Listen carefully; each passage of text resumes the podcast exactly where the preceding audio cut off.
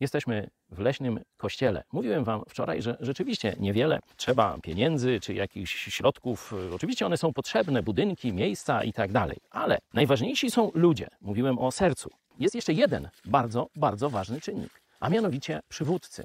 Każde zbiorowisko ludzi, także chrześcijanie, także protestanci, potrzebuje przywódców, czyli ludzi, którzy mają daleko większą wizję tego, co należy zrobić, dużo lepiej znają Słowo Boże i, co bardzo ważne, są gotowi zapłacić najwyższą cenę. Bo kiedy tu gromadził się lud i przychodzili kaznodzieje ze Słowacji, to właśnie na tych kaznodziejów najbardziej polowano, wiedząc, że jeśli ich się uda zabić albo wygonić, to prosty lud nie będzie miał skąd czerpać wiedzy o Słowie Bożym.